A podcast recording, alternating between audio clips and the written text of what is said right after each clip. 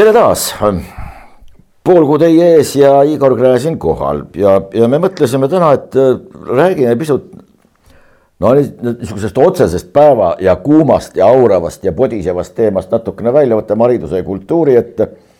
tegelikult kultuuri üks osa ongi haridus ja kui meil räägitakse isegi põhiseaduses keele ja kultuuri säilimisest, siis on siin kasvõi see küsitavus juba tegelikult sees, et keel tegelikult ongi kultuuri osa. et me ei saa rääkida ju seente ja puravike näiteks, noh marineerimisest, korjamisest ja kuna meie jutt tuleb paratamatult nähtavasti kriitiline nagu enamus meie juttudest, seda ka hariduse kultuuri osas, siis tegelikult võib-olla noh, alustaks ikkagi reaalselt sellega, mis on meie reaalsed saavutused ja mis on positiivne, noh, PISA testist on kõik rääkinud, kus Eesti on maailmas esimese kolme sees olnud kogu aeg. aga võib-olla suhteliselt hiljuti mm, Eesti esinemine eh, Dubais eh, haridusnäitusel, eh, kus Eesti oli tõesti no ma ütleks isegi üllatavalt edukas, kus tegelikult äh, kohalikud äh, šeigid ja, ja kohalikud ülemused äh, tundsid väga suurt huvi Eesti ekspositsiooni vastu.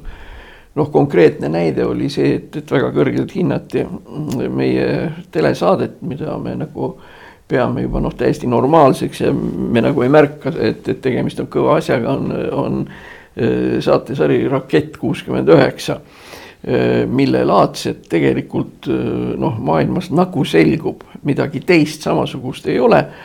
ja mis on noh, erinevalt ütleme seal Eurovisioonist ja, ja kõigist nendest superstaari ja ma ei tea, mis saadetest.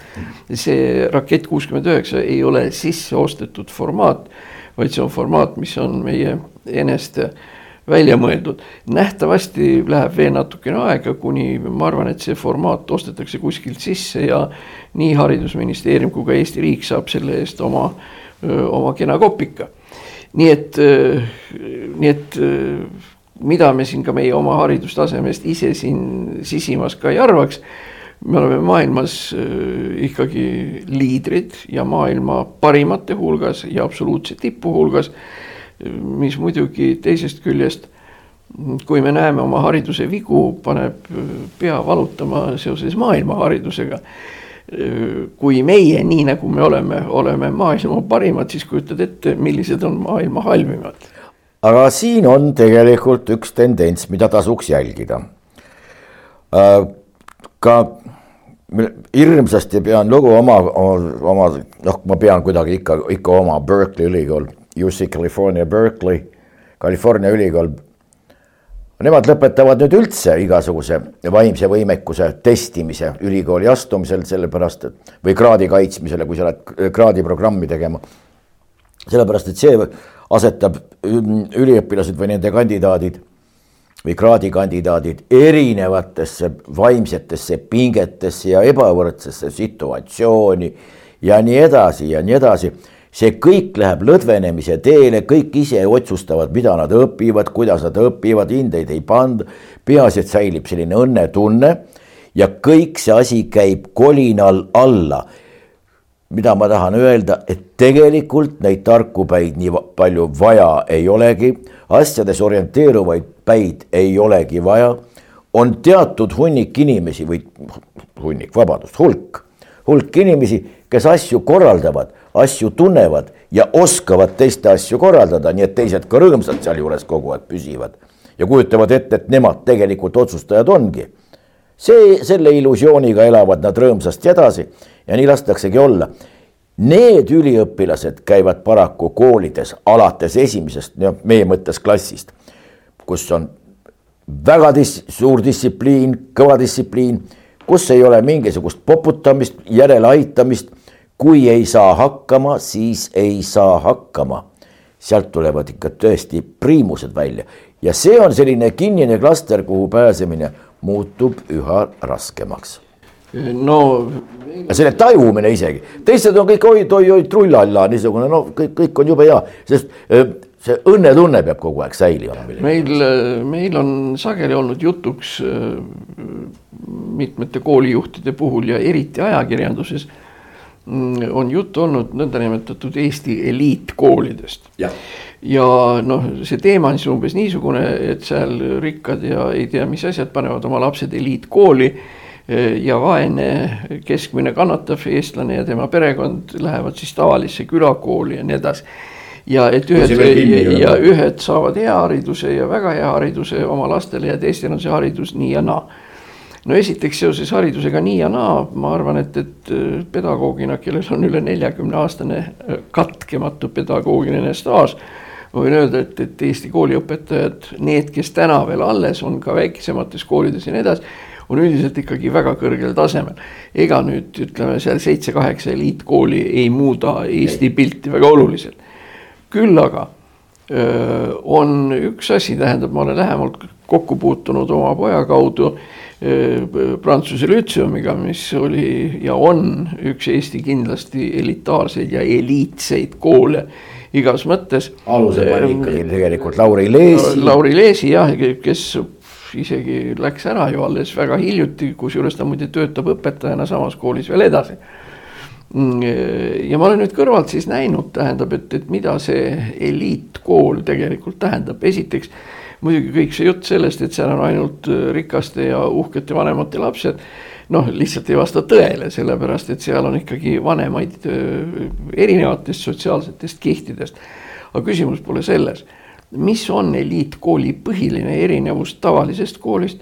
erinevus seisneb selles, et eliitkoolis peab õppima ja seal ei ole mitte mingisuguseid tilulilusid nagu spordivõistlustel käimised või kuskil ekskursioonil olemised seal või vanematega välismaale Kanaari saartele sõitmised ja nii edasi.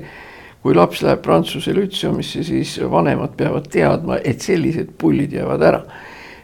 Kanaari saartele palun väga, aga siis juuni, juuli, pool augustit aga mitte mingisugust või siis talvine koolivaheaeg, aga mitte midagi sellist, et, et, et semestri või veerandi keskel sõidetakse kuskile ära.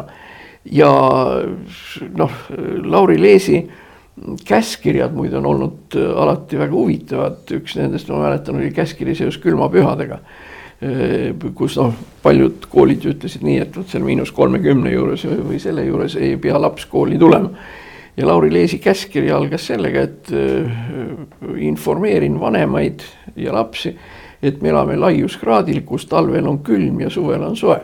ja vastavalt sellele tulebki siis ka käituda, et äh, külmapüha tähendab lihtsalt seda, et on vaja pintsaku või jaki alla lisakampsun panna ja panna müts pähe, kus on kõrvad all ja soojad kindad ja ei olegi midagi, aga see ei tähenda, et miinus kolmekümnega ei tule kooli tulla, sest kool on absoluutselt esimene väärtus. ja vot nüüd tekibki see küsimus, et mispärast eliitkool, eliitkool on koht, kus õpitakse. Ja sealt saadakse siis ka vastavad tulemused ja noh, eks ma olen ju seal kooli lapsevanemana näinud erinevaid lapsi, ühel läheb natukene kehvemini, teisel läheb paremini. no ühel pea ei võta matemaatikat ja teise ei ole nõus luuletust pähe õppima ja kolmandal on joonestamisega midagi viltu ja see, ja see on kõigil nendel olemas.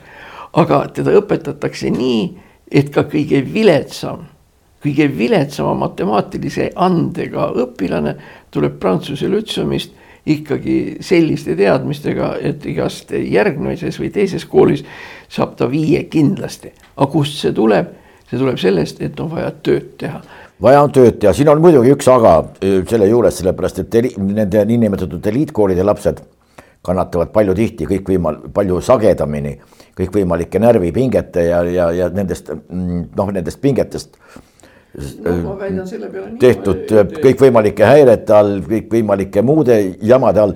Ja, ja lõppkokkuvõttes, ega meil ei ole ainult vaja tulemusi, tubli matemaatik, meil oleks lõppkokkuvõttes vaja, et selle kooli ükskord lõpetab. Normaalne, tubli, tark, vastutusvõimeline kodanik ja inimene ka sealhulgas kõigele lisaks. no see, see käib selle asja juurde nagu noh, see on, see on niivõrd. ei pruugi, kes, üks haritud mölakas no kõrgelt haritud. suurepärane, aga dispositsioonide süsteem on vale. motivatsioon on vale, kõik, kõik on vale, aga suurepärane spetsialist. ta oskab, ta on suurepärane treial, ta on suurepärane lukksepp, ta on kõik, kõik, kõik, kõik suurepärane. aga kõike seda oskust rakendab ta milleks? ta varastab teiste pangakontosid tühjaks või seife. ja ei, seda, seda on alati olnud ja seda tuleb, selleks noh, on nagu ta on. Siin ma nagu ei paneks ausalt öeldes koolile isegi liiga suurt vastutust, sellepärast et selle jaoks on olemas kodu, kus, kus need asjad käivad.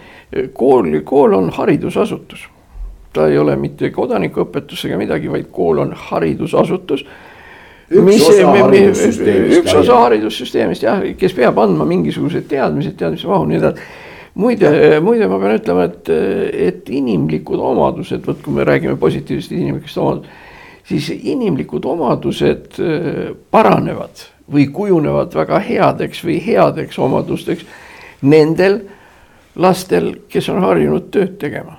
tähendab see, kui ta istub koolis ära seal kuskil kella kahe poole kolmeni, tuleb koju, tund, kaks on lihtsalt niisama ja paneb õhtul neli tundi otsa. Ja see ongi nii, jah, võib öelda, et laps on üle pingutatud, ta-ta-ta-ta-ta, aga ta on õppinud tööd tegema ja väga oluline on see, et tal on äh, arusaamine, et äh, miski asi ei tule kergelt. et kõiki asju tuleb õppida ja olgu sul millised ajud tahes, sa pead tööd tegema, nüüd on küsimus. sa ütlesid stress ja nii edasi, noh, on jah, vist. jah, jah, on, on kindlasti aga noh, nüüd on küsimus. isegi ametliku statistika järgi see on üsna kole. kas sa saad selle stressi seitsmeteistkümne aastaselt ja oskad sellega elada ja võtad, hakkad stressi kuidagi maha võtma, nii edasi. nagu organism seda loomulikult teeb. või sa saad selle kahekümne viie aastaselt, kolmekümneselt sa, saab sinust narkomaan, kes kolmekümne viieselt enda üles poob. minu arvates on see märksa viletsam variant kui sa oled seitsmeteist, kaheksateistkümne aastaselt oma stressikese üle elanud, see läheb mööda ja sa tead, kuidas sellega käituda maailm on stressirohke, no mis parata no on loomulikult, seal tulevad esimesed armastused, kõik igast asjad tulevad ja noh ja vastamata eriti veel, kui on ja, ja kõik, ei no tuhat asja, loomulikult. aga, aga noh, tähendab, siin on ja aga noh, meil võetakse ka kooli, vot sa ütlesid jumala õigesti, et, et, et, et kool on see, kus, kus, kus õppetöö käib või õpe toimub, mitte õppetöö, töö on midagi muud. aga õppe, õpe toimub loomulikult aga seal toimub ka sotsialiseerumisprotsess. See, sellepärast, et erinevate igasuguste rehkenduste järgi erinevatel aegadel on kuskil kuni kakskümmend protsenti lapse kujunemises või noore kujunemises on kooli osa. kõik ülejäänu tuleb. Pere, ümbruskond, muuseumid, spordiklubid, tänav, sõpruskond, pruudid, peigmehed, noh, kõik, kõik, kõik see no enamust, enamust nendest faktoritest, mida sa praegu nimetasid, Eestis lihtsalt praegu enam ei eksisteeri. näiteks selline tähtis. see, see, see, see tähendab, et äh, no selline tähtis sotsialiseerimise valdkond või äh, sotsialiseerimisvahend, äh, mis oli veel neli-viiskümmend aastat tagasi tingliku koodnimetusega tänav, on ära kadunud seepärast lastel ei ole tänapäeval enam võimalik tänavale mängima minna. ja seal, kus on, siis eks ole, meil on majade õuedel on, on tarad ümber, käivad sellega ja nii edasi, nii et, nii et see on see, mis, mis rikub mängu ära noh, jah, Tallinn muidugi. no, maalastel on jälle see, et kool läheb ära Mm, nii et ühesõnaga siukest. ametnik, kes selle kooli paneb, kinni paneb, istub siin Tallinnas, sellepärast et tal on Exceli tabel ja,. jah, jah nojah, nii et, nii et paljud need sotsialiseerimised lihtsalt tõenäoliselt on asi selles, et me sotsialiseerutakse nii ehk naa sellepärast, et in, inimene vajab sõpru või Me, inimesi, kellega rääkida, inimene vajab armastust, inimene vajab armastuse objekti ja nii edasi. ja see kujuneb kuskil ja kuidagi ja seda kuskil ja kuidagi nimetatakse sotsialiseerumiseks, ta ei ole see sotsialiseerumine, millega meie olime harjunud ja see, aga see on sotsialiseerumine kuidagi teistmoodi. ja võib-olla nüüd siin on see koht, kus võiks nagu noh, riigile või ma ei oska öelda, võib-olla isegi pedagoogilisusele, pedagoogilisele üldsusele ja õpetajaskonnale ja, ja kõigile nendele teha sellise etteheite, et kallid inimesed ei ole viitsinud ja suutnud üles leida seda sotsialiseerumise kohta. tähendab, meil on olemas, ütleme sihukese täiskasvanu sotsialiseerumise eelne aeg on ütleme neliteist, kolmteist. kahekümne viieselt me näeme, et, et sotsialiseeritud on läbi valude ja asjade ja nüüd see, kuidas see sotsialiseerumine toimus no me aimame, aga seda ei ole keegi uurinud ja keegi ei ole seda püüdnud ka püüdnud ka, ka kujundada seda, seda keskkonda. kolmekümnendatel oli Eesti pedagoogika vaieldamatult kõige enam tsiteeritud ja kõige tuntum teadlane Hilda Taba, kes Eestist ka ära sõitis. tema kirjutaski oma, oma doktori kirjutas The act of becoming ehk siis just sotsialiseerumine kelleks, kellekski saamise ja siis ma vaatan siin mingit, mingisugustel seminaridel ja kolokviumidel tullakse kokku, räägitakse Hilda tavapärandist, aga pihta ei ole saadud sellele, mida ta tegelikult oma töös kirjutas. no vot, see võib-olla on üks, üks koht. aga see on muidugi arusaadav, sest sotsioloogiat ei tunta, sotsiaalpsühholoogiat ei tunta, psühholoogiat võib-olla natukene. noh, ja siis, ja siis käibki. muidu oli tore seminar, nägin tuttavaid ja catering oli tore ja hotell polnud viga ja. ma arvan, et, et see on nüüd see koht, kus võib-olla tuleks lugeda ameeriklaste raamatuid ja natukene vaadata ka ameeriklaste tehtud filme. Sel lihtsal põhjusel, et Ameerika suurlinnades, mis on tõeliselt suured linnad, New York, Philadelphia ja nii edasi, Boston. seal see sotsialiseerumise probleem on nagu väga teravalt üleval seoses politsei tegevusega tähendab kõikvõimalikud noorukid, kes käivad seal prügikastide taga triipu tõmbamas ja nii edasi. ja noorukid, kes kuskil maha jäetud varemetes ja vanades majades, ühesõnaga tegelevad see tont teab millega ja nii edasi, on Ameerikas politseile selgelt peavalu. ja nüüd on siis küsimus selles, et mida peaks politsei tegema selleks, et see noh, ühesõnaga, et see sotsiaalne keskkond, mis on sihuke nigelavõitu või tähendab sihuke paha keskkond et see kuidagi hakkaks positiivselt toimima, ma toon lihtsalt ühe näite, noh, Ameerika üks selliseid noh, tähtsaid üritusi ja mida, mida toetab FIBA, Rahvusvaheline Korvpalliliit ja nii edasi on, on mängud, mille nimi on Midnight Basketball ehk kesköised, kesköine korvpall see on siis ühesõnaga turniir, mis, mida korraldatakse siis Ameerikas, olete ju kõik kindlasti filmides näinud, et iga suure maja taga või kõrval on korvpalliplats. ja, ja, ja seal on poisid, kes päev läbi pilluvad palli sinna üles ja nii edasi. Küsimus pole ju mitte selles, et kas sa palli sisse saad või mitte, vaid just nimelt selles suhtlemises sõpradega. ja, ja nüüd kasutades ära, et selline noh, harrastus on niigi olemas, teda ei pea välja mõtlema korraldasid siis politseinikud, ma ei mäleta, kus kohas, aga, aga noh, kus see peale hakkas, korraldasid nii-öelda kesköise, mm, kesköise korvpallivõistluse või õieti isegi turniiri, kus ütleme erinevatest majadest, nendest kõrghoonetest tulid, moodustati meeskonnad ja nii edasi, turniir algas õhtul kell kaksteist ja lõppes hommikul kell viis. mikspärast, sellepärast et neid lapsi või noorukeid koju ei saada neid niikuinii mingi väega, sellepärast noh, kui nad tahavad jõlkuda mööda tänavat, siis nad jõlguvadki. nii et tegelikult selle asemel, et nad öösel oleksid siis seal kuskil pahades kohtades paha asja peal. Nad tegelevad sellega, et vot noh, mängitakse ja siis on juba igasugused konverentsid, turniirid seal ja mis iganes, nii et. see on lihtsalt üks väike näide, kus noh, politsei leidis mingisuguse nipi, kuidas noorte jõugud tuua noh, esiteks koos platsile tegema midagi mõistlikku, mängima korvpalli. ja ega see siis nüüd ainult tähtis ei ole, kes korvpalli mängib, vaid ka kõik need tüdrukud ja nii edasi, kes seda vaatavad. aga siin ongi, siin on see lähenemine. siin, vaatab kogu alastuses vastu see, et seal vaadatakse siis seda, kuidas saab või kuidas tuleks, oleks võimalik teha. mul jääb selline mulje, et meil on reeglina kuidas kinni keerata, ära keelata, kuidas no, ei saa. teine valdkond, ütleme, mis, mis on jällegi Ameerika näide, aga tegelikult meil ei olnud see asi sugugi mitte halvem on kõikvõimalikud, eriti nendele probleemsetele noormeestele, ütleme seal viisteist, kuusteist, seitseteist, kellega see kriminogeenne kalduvus on veel kõige tugevam. Nende sotsialiseerimise võimaluseks näiteks on, on eraldi motoklubide liikumine, tähendab, kõik teavad, et nad, neil pole lubasid ja nad ei tohi raskete mootorratastega ringi sõita ja nii edasi. aga paneme nad siis, paneme nad siis, paneme seda mootorratast ehitama las toome osad kokku, vaatame, see ei sobi, teine ei sobi, on kaks-kolm täiskasvanut seal abiks ja ühe õue peal tehakse nelja või viit mootorratast ühel ja samal ajal, kellel tuleb parem välja, kellel halvem välja. aga seda asja kureerib jällegi politsei. mitte sellepärast, et, et need oleksid tingimata oma olemuselt halvad noorukid, aga see on see keskkond, kus kuritegevus võib tekkida. siin on veel üks asi, mis vastu vaatab, no täiesti, kuidas sulle tundub, huvitav oleks sinu arvamust kuulata. kui seal on um, need noorte jaoks tegevused, tegevused suunatud need lahendused on noorte jaoks, et nendest edaspidi ei tuleks mingisuguseid jamasid, et nad ei muutuks hoopis mingisugusteks niisugusteks, need on noorte jaoks.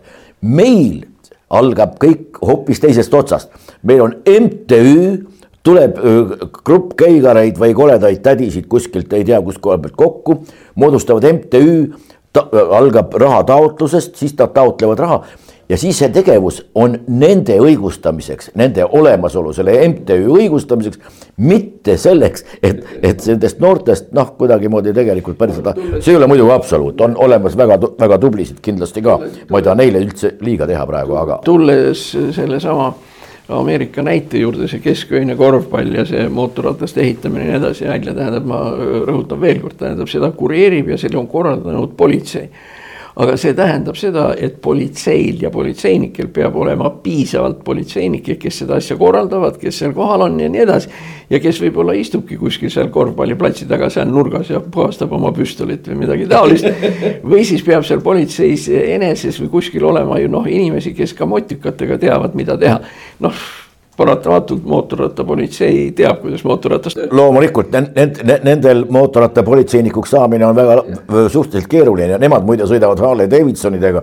mis on oluliselt, mis kaalub kuskil umbes nelisada kilo, olen sellega sõitnud ju korduvalt, päris raske muide no aga nad sõidavad sellega suurepäraselt, teevad slaalomit ja kõike ja loomulikult sa pead olema suuteline ka naisterahvad selle sikli püsti tõstma, kui ta külili on vajunud. ja nii et, nii et noh, ühesõnaga see, need kaks väikest programmi või, või noh, need kaks programmi, millest me rääkisime, ühesõnaga need olidki niimoodi, et ühesõnaga seal peab politseinikke olema parasjagu nii palju, et seal on mõned politseinikud, kellel on nii palju noh, mitte vaba aega, vaid ütleme patrullimisest vaba aega kes saaksid nende poiste ja tüdrukutega, muide sageli eriti selle korvpalli asi, mida ma nägin seal linnas, kus ma ise elasin, seal oli ju niimoodi, et. et, et paljud tegid seda lihtsalt oma vabast ajast eh, politseinikud, aga siin on muidugi veel üks, üks lisapluss muidugi selles on see, et öeldakse, oh noh, kas politsei peab kasvatama ja nii edasi. Eh, on öeldud niimoodi, et kool kasvatab ja vangla kasvatab ümber on, on see, et äh, need riigiametnikud, politseinikud, kui me räägime sotsialiseerimisvajadusest, mm, need on, kuidas nüüd öelda, need on, need on seda tüüpi inimesed, vot kellele see asi istub ja teiseks, kes tunnevad ka neid noorukeid, kellega nad suhtlevad. tähendab, meil on see, ütleme nagu see tinglikult konstaabel, paljukese tema jõuab aga noh, see, mis oli vanasti, oli miilitsavolinik, see, kes maja valitses. ringkonna, kuidas ta oli, ringkonnavolinik?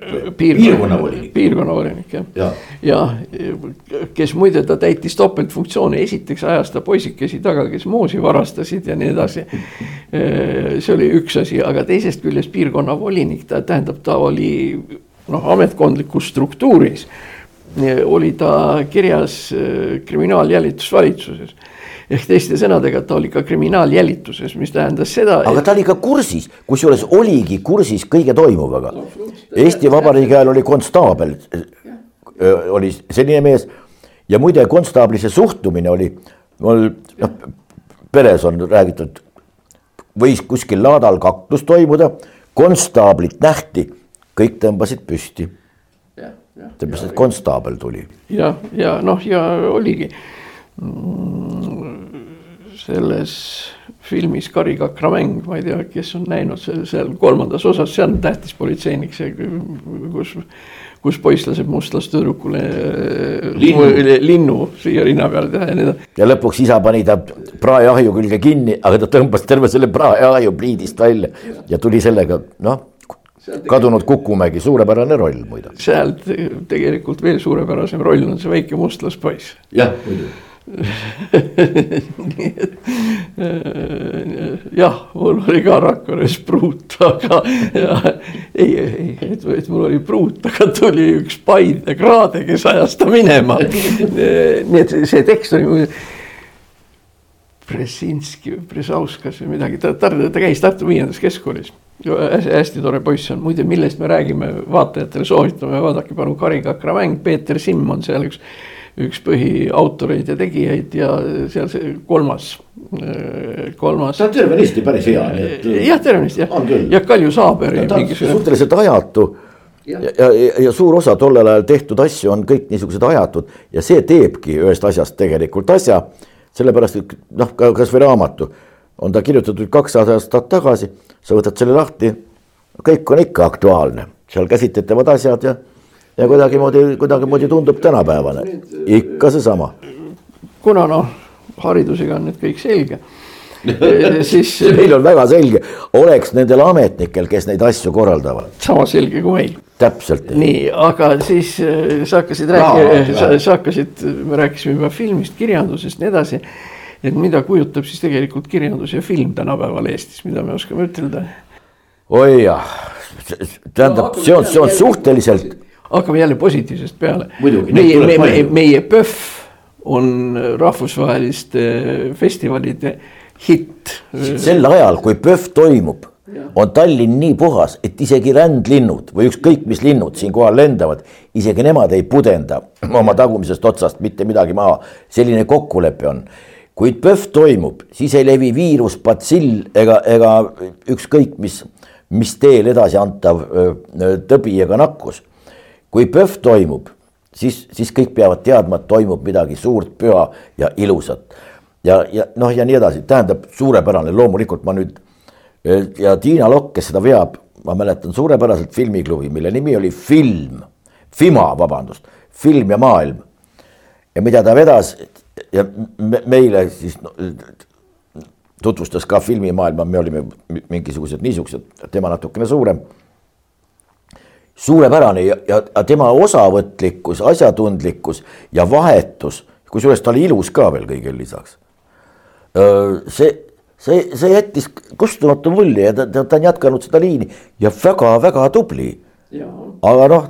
no eks siin ole muidugi natuke see probleem, et, et no film ei ole praegu, tähendab, kui paha see asi ka ei oleks, aga film ei ole praegu selline noh, hitt kunstiliik noh, näiteks praegu käib ju, eks ole, me teame, et filmi tähtsis auhind on Oscar ja see on USA Filmiakadeemia auhind. aga noh, nüüd on siis üleval olnud see teema, mida on arutatud, et kellele ikkagi seda Oscarit saab anda või et kelle. kui värviline ta on ja kui, kui, kui transgender ja, ja kui. ei, see on, see on veel lihtsam asi, tähendab, küsimus on, mida tähendab film sellepärast, et tänapäeval. film tähendab ühte asja, film on rullis. jah, aga vot see on see, mida ei ole see sellepärast selle filmi kui, kui kunstiliigi kandja või ütleme, mingi kunstilise asja kandja ei ole mitte rullis midagi, mida ilmutatakse ja nii edasi, tänapäeval see on lihtsalt mälukaart, mis pannakse kaamerasse sisse, võetakse ära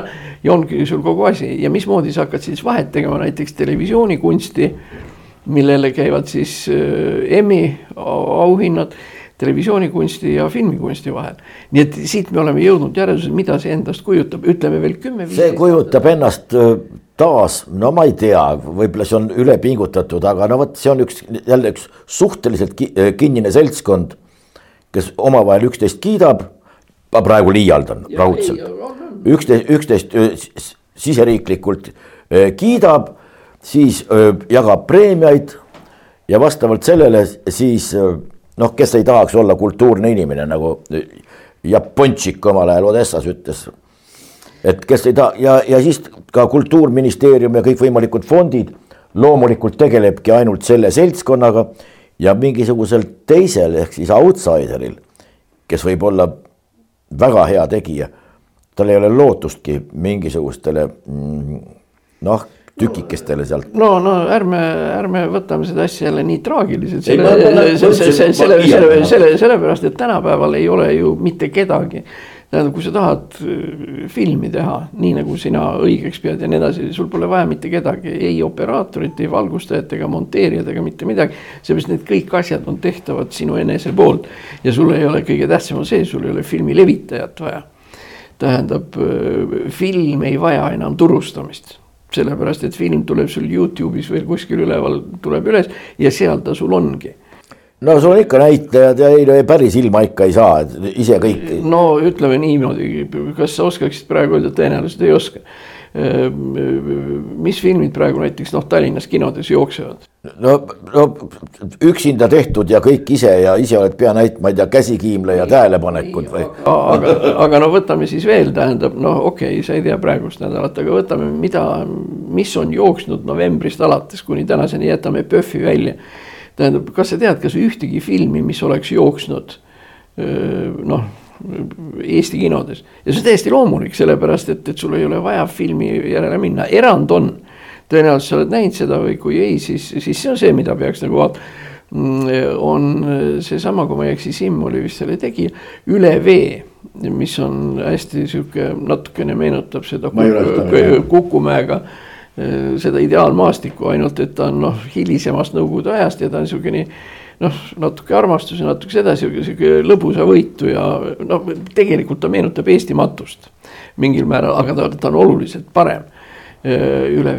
nii noh, ja siis ma saangi kätte oma sügisesed vaatamised, tähendab, see on siis Eesti matus kuskil varem oli ja üle vee sisse noh, mis viitab tegelikult sellele, et, et sa ütled, vot siit ei anta raha, sealt ei anta raha, nii edasi ma ei taha seda öelda, raha ei tee mitte midagi, inimesed teevad. Raha abimehena on muidugi suurepärane, aga, aga raha ise ei tee mitte midagi. nojah, me võime näiteks no, tuua sellesamagi näite, et, et kus on lihtsalt suurepärane alus olnud ja, ja, ja noh, kust oleks nagu saanud filmi teha aga, aga noh, ei kukkunud välja, ei tehtud, on seesama Andrus Kiviraha rehepapp, mis mul siin kaasas on. noh, raamat on briljantne, raamat on hiilgavalt hea aga, aga filmi ei tulnud. nii et. Kas sellest on üldse film tehtud? sellest on film tehtud. ma ei ole seda näinud. jah, aga no ma ütleks nii, et sa ei ole mitte eriti paljust ilma jäänud. muidu see on väga hea operaatori töö, mustvalged kaadrid on väga hästi tehtud seal ja nii edasi, nii et see, see on okei okay,, aga, aga filmi kui niisugust kas see oli jälle niisugune tüüpiline kollaaž, kasaledvad, lase, kaseladvad, natukene paljast ihu ja midagi ja? nojah, sinna, see, no sinnapoole, seal, pigem oli see neid äh, neid kratte seal oli siis heinaniidukid ja mis asjad seal tahes, nii et. nii et aga noh, et jutt ei ole sellest, noh, ongi nii, et, et selleks, et tuleks üks väga hea film, on vaja teha sada keskmist ja sada viletsat. ja muidugi. nii nagu noh, selleks, et tuleks üks Erki Nool, selleks on vaja tuhatkond noort poissi, kes tegelevad kümnevõistluse ja kõigi nende nende aladega. kaussikõverat ei ole mitte keegi enam. jah, jah, ja siis, kui see nüüd on ära olnud, siis noh seda rohkem on muidugi kahju ka näiteks sellest Andrus Veerpalu loost, sellepärast et noh, järgmise Veerpaluni läheb ikka kohutavalt kaua aega, enne kui sealt midagi tulema hakkab. nii et. see on küll üks õnnetu lugu. õnnetu jah nii, siis ühesõnaga filmist me nagu oleme nüüd rääkinud, nüüd see jääb, mis, mis edasi jääb, kirjanduseks. nojah, ja siis ja no kultuurimaju enam ei ole, kultuurimaju on kinni pandud. samas jällegi tähendab, ma võin öelda, et, et on olemas, vot on olemas üks kunsti ja vaimutegevuse liik, mis on Eestis nüüd läinud üles ja mida, mille tõusu ei oleks osanud oodatagi, seepärast see nõuab ka raha, pühendumust, väga palju aega ja nii edasi, nii edasi, on teater. kui ma praegu hakkan nimetama lihtsalt, kui palju on tulnud uusi väga häid teatreid, kus on viis kuni seitse või kaheksa koosseisulist töötajat, sealhulgas direktor ja kassapidaja ja nii edasi ja siis no kolm-neli näitlejat. projekti all, no hakkame peale, Keller teater, eks ole, mis praegu on üles pannud äh, näiteks noh, Hargla äh, krimkati, kes üldse tegeleb. mõrv, Rüü Roogil ja teised siuksed tuntud asjad, väga kõva krimkaasi. siis Toika teater, VAT, V-A-T vaat jah, seda ma tean. ja nad praegu kolivad ära, sellepärast et Rahvusraamatukogu läheb, läheb remonti. ja nad lähevad endisesse, ma ei tea, mis ta praegu on, vanasti oli ta kommunist Jaan Tompi nimeline kultuuripale. siis sealsamas on Heidi Sarapuu juhitud teater Eesti kultuurile otseselt ja eeskätt või ma ütleks nii, ainult Eesti kultuurile pühendatud teater Vaarius tähendab, kes on siis ja. teinud äh, Amorestest, kes on teinud. Vaarius on see, kus on Petersonid ja see seltskond kõik ja, ja. ja, ja, ja noh, praegu nad on, on neil üks lavastus on Lennud, mis on tegelikult pühendatud Lennart Merile, eks ole, seal Lennart Meri mängib koos. siis väga palju on Vaarius tegelenud äh, Estonia äh, kronoloogiaga ja Estonia kõik Sällik ja kes siis tol ajal olid Benno Hansen ja nii edasi on seal peaosades, siis neil on olemas üks lavastus on just, mis puudutab Artur Rinnet ja seda, selle nimi on His Master's Voice.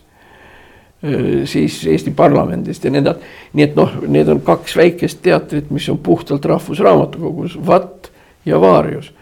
nüüd siis uus Tartu teater vanas Mitšurini spordihallis, kus käidi võimlemas ja sulgpalli mängimas.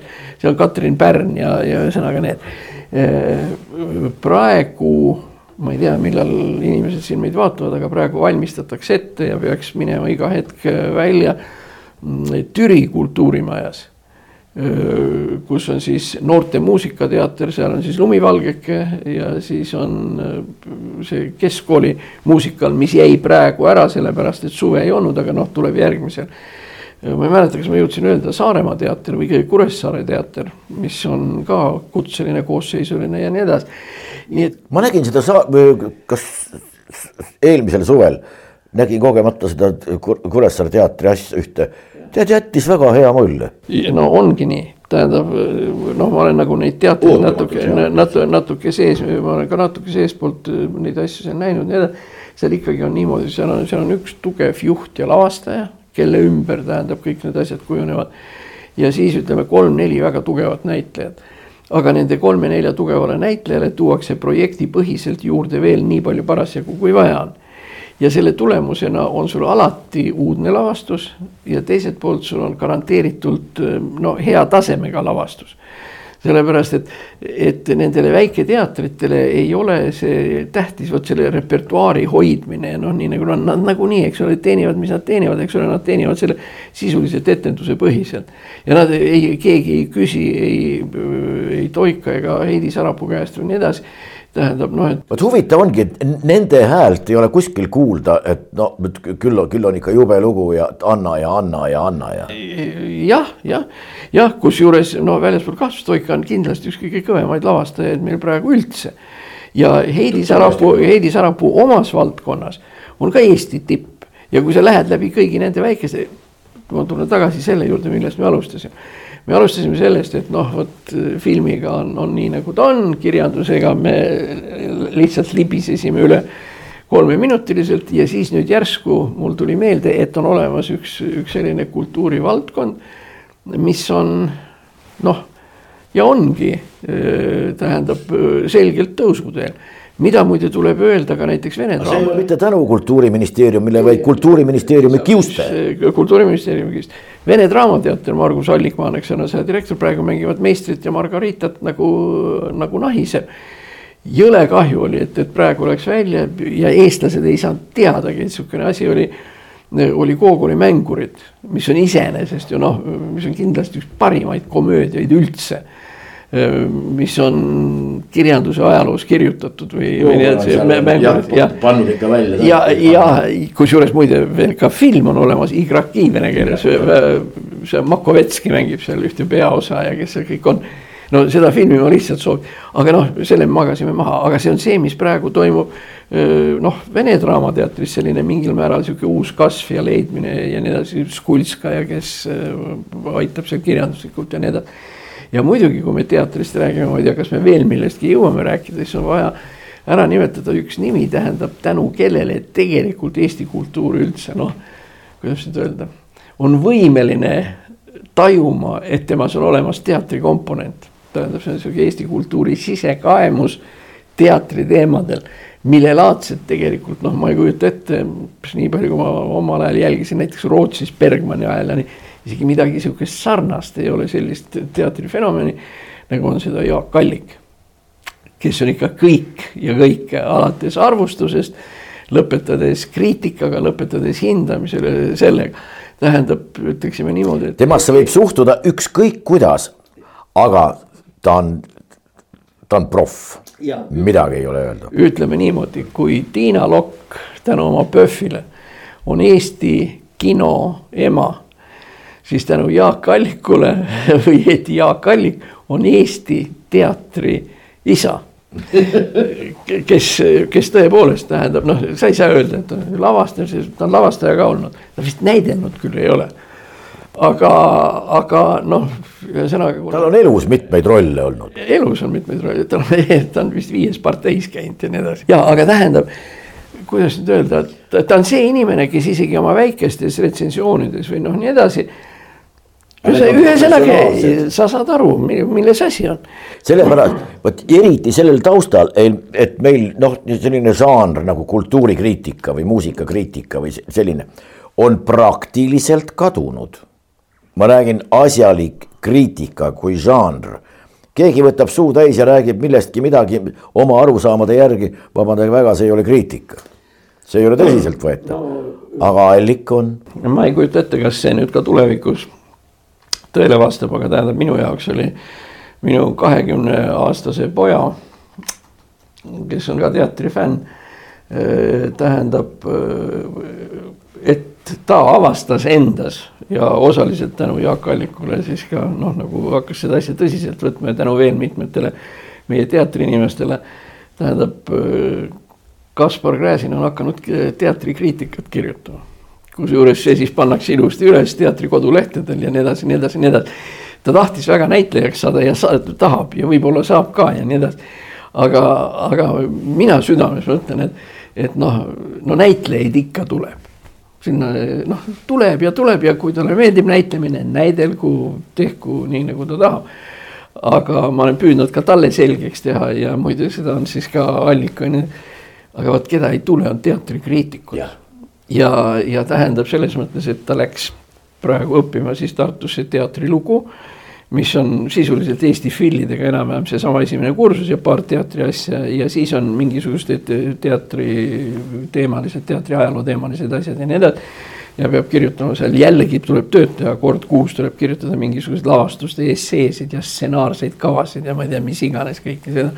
Ja kui ta nii edasi läheb, siis ühesõnaga ma ei ole kindel, et, et see talle tulevikus palju leiba annab.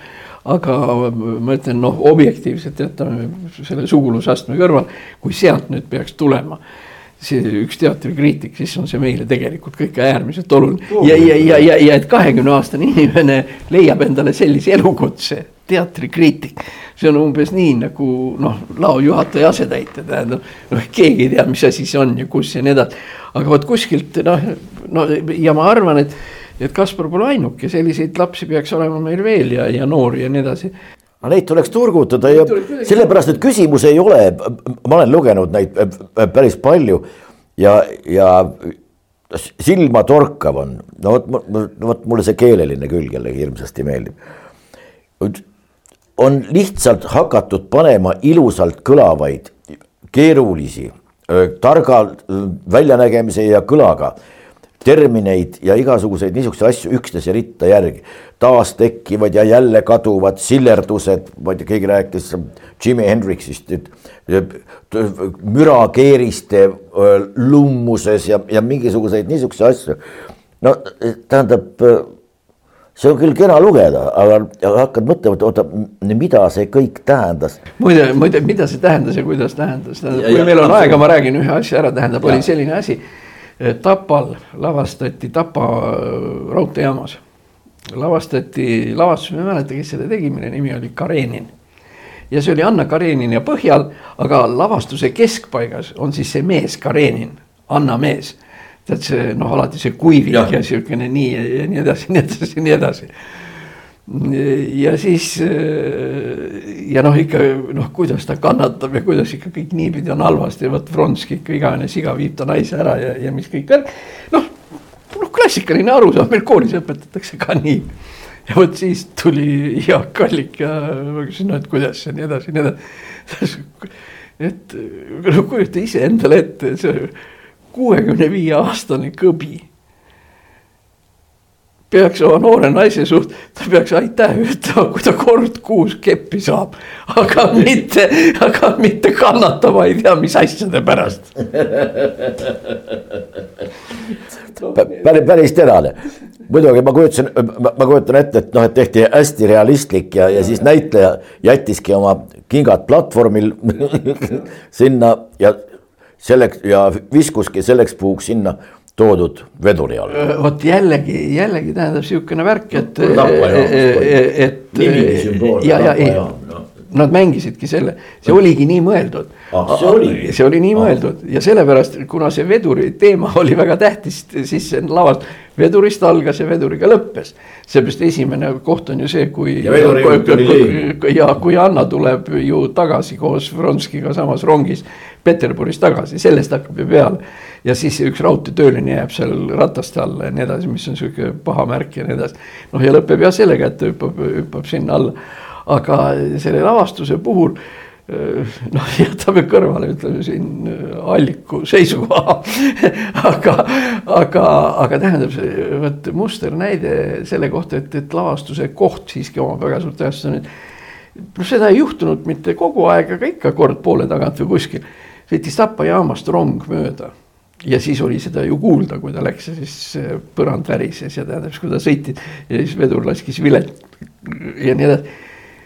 Ükskõik, mis ajal ta ka ei sõitnud, see oli orgaaniline, see jõle hästi sobis sinna sisse. ja seal esimese poole ajal ma nagu mõtlesin, et huvitav, et kuidas nad selle vedurimehega on nii kokku leppinud või nii edasi. ja ma mingi lavatöölise käest või kellegi käest sealt küsisin, et kuidas te saate need rongid nii õigel ajal sõitma see ei ole õigel ajal, nad sõidavad nii, nagu nad sõidavadki nii et meie ei puutu siin üldse asjasse. aga tähendab, see oli nüüd see koht, kus võib öelda, et see Anna Karenina. Ütleme Tompi kultuuripalees või Rahvusraamatukogus või nii edasi, oleks olnud kindlasti mitte see. ja kus tõepoolest no täiesti ootamatult. no sümbol, mida me teame koolipõlvest, aga kus see sümbol omandab tõepoolest suures lavastuses suure tähenduse, nii et selles mõttes, ega ma ka, mulle ka nagu see alati ei meeldi, kui käiakse kuskil seal lautades või kus iganes seal mängimas, nii edasi, kui, kui sellel puudub mingi oma sisuline mõte. aga see on jällegi, kui me rääkisime Eesti haridusest, rääkisime natukene Eesti kultuurist, siis Eesti teatri liikumine teatrimajadest väljapoole on tegelikult minu arvates iseenesest üsna väga positiivne, eriti olukorras, kus maalt tuleb ju kõik ära tähendab, kõik teised jooksevad ära, tähendab haridusministeerium tuleb Tartust ära ja mis iganes, kõik tuuakse Tallinnasse ära ja nii edasi. Tallinna elanikkond kasvab, inimesed käivad Tallinnas tööl ja nüüd on plaks ja ta läheb tagasi. teine selline nähtus on, kasutades sinu väljendit. me võime tast väga mitut moodi arvata, mis tähendab seda, et nüüd vaatajad teaksid, kui me ütleme, et sellest võib arvata mitut moodi, siis see tähendab seda, et me arvame sellest asjast väga halvasti aga tähendab see väga halb ja väga nigel asi millel on just see regionaalne mõõde, on Eestil unikaalne arvamusfestival. kes üldse kuulnud on, kes teab üldse, et Paide linn olemas on? sellepärast pärast seda, kui sealt maantee mööda viidi ja nii edasi, keegi ei teagi, et see Paide olemas on ja ma arvan, et mõnede koolilaste käest küsida, et, et kus seal olid need igasugused Eesti kuningad ja kes seal. maha notiti jah. maha notiti ja nii edasi ja, ja, ja kus kohas ja nii edasi. kes teab, et Paide on, kes ei ole, aga üldiselt Paide linn on ju tegelikult suures osas noh, nagu surnud. aga teda päästab Arvamusfestival ja isegi kõige nigelam arvamusfestival on parem kui mitte midagi. ja muide, on tekkinud juba järgmine punkt kuna me rääkisime palju teatrist, Paidesse on tekkinud teater. ja ma väidan, et kui linnas, kui linnas on, kui linnas on teater, siis see linn ei sure. seda küll, aga kunagi äkki me jõuame nii kaugele ka, et me saame arvamusfestivali asemele me saame teadmiste festivali. no Põlva. kus inimesed võivad öelda, et ma tean seda, mitte ma ei arva. no teine, see on konkureeriv firma, tähendab Põlvast allapoole sinna Kanepi kanti, kus on Eesti Maanteemuuseum. seal toimub äh, kuu aega enne Paidet, seal toimub väga tore üritus, mille nimi on eelarvamusfestival mis on tõeliselt sihuke kena ja tore ja seal tohib rääkida. Eesti tingimustes tuleb tavaliselt niimoodi, et kui midagi jubedat juhtub ja siis küsitakse, et kas eelarvamus ka oli mingisugune selle kohta, oli, aga see tuli hiljem. no vot, vot nii et eelarvamusfestival on selles mõttes tore. noh, näiteks ma mäletan siin hiljuti ühel eelarvamusfestivalil oli teema, et noh, et, et kuna nüüd on selgunud, et maakera ongi lapik siis kuidas see mõjutab Eesti majanduse arengut tulevikus kahtlemata positiivselt. jah, no aga, aga noh, olgu see tegelikult vot just nimelt see, et Eesti kultuur ja see, ta vajub kuidagi nagu laiali. see on, see on Eesti noh, arengu ja Eesti regionaalpoliitika seisukohalt üli-ülioluline. kui sellest jagu saadakse, vot siis laguneb tõesti koostöö ära. ja aga ta just praegu minu arvates, minu väide on see, et, et ta just nagu tõuseb oleks nii. ja, ja noh, kõik need asjad, mis me täna rääkisime, need on need, mida viis aastat tagasi ei olnud. nii et noh, kui keegi kunagi. ametnikkonna kiuste. jah, kus, kus keegi ütles, oi, et meil on nii palju nii palju näitlejaid ja neid ei ole kuskile panna ja teatreid on vähe ja nii edasi. Nendel näitlejatel, vaesekestel ei ole tõesti kerge, aga nad ei saa öelda, et neil ei ole kuskil mängida sellepärast et tähendab, Eestis on ikkagi noh, no selliseid lavastajaid, kellede nimed meile võib-olla ka alati praegu ei ütle, noh, me rääkisime Toikast ja Heidi Sarapust praegu ja, ja noh, Nüganen kahtlemata ja kõik nii edasi. aga nad on tegelikult olemas. see on see, on vaja püünet või, või noh, ütleme siis niimoodi, kuulus näitleja, teoreetik, teatriteoreetik Peter Brook kus ta on öelnud, et milline on minimaalne teater ja mida on teatriks vaja ta ütles, on vaja ühte tühja ruumi, ühte pinki, kus istub vaataja ja on vaja, et läbi selle tühja ruumi jalutab üks inimene. ja see on juba teater. niimoodi, igale ühele tema enda tühi ruum, rohkem möödakäijaid, nende möödakäijate seas rohkem sõbralikke ja heasoovlikke inimesi. kohtumiseni taas. Thank you.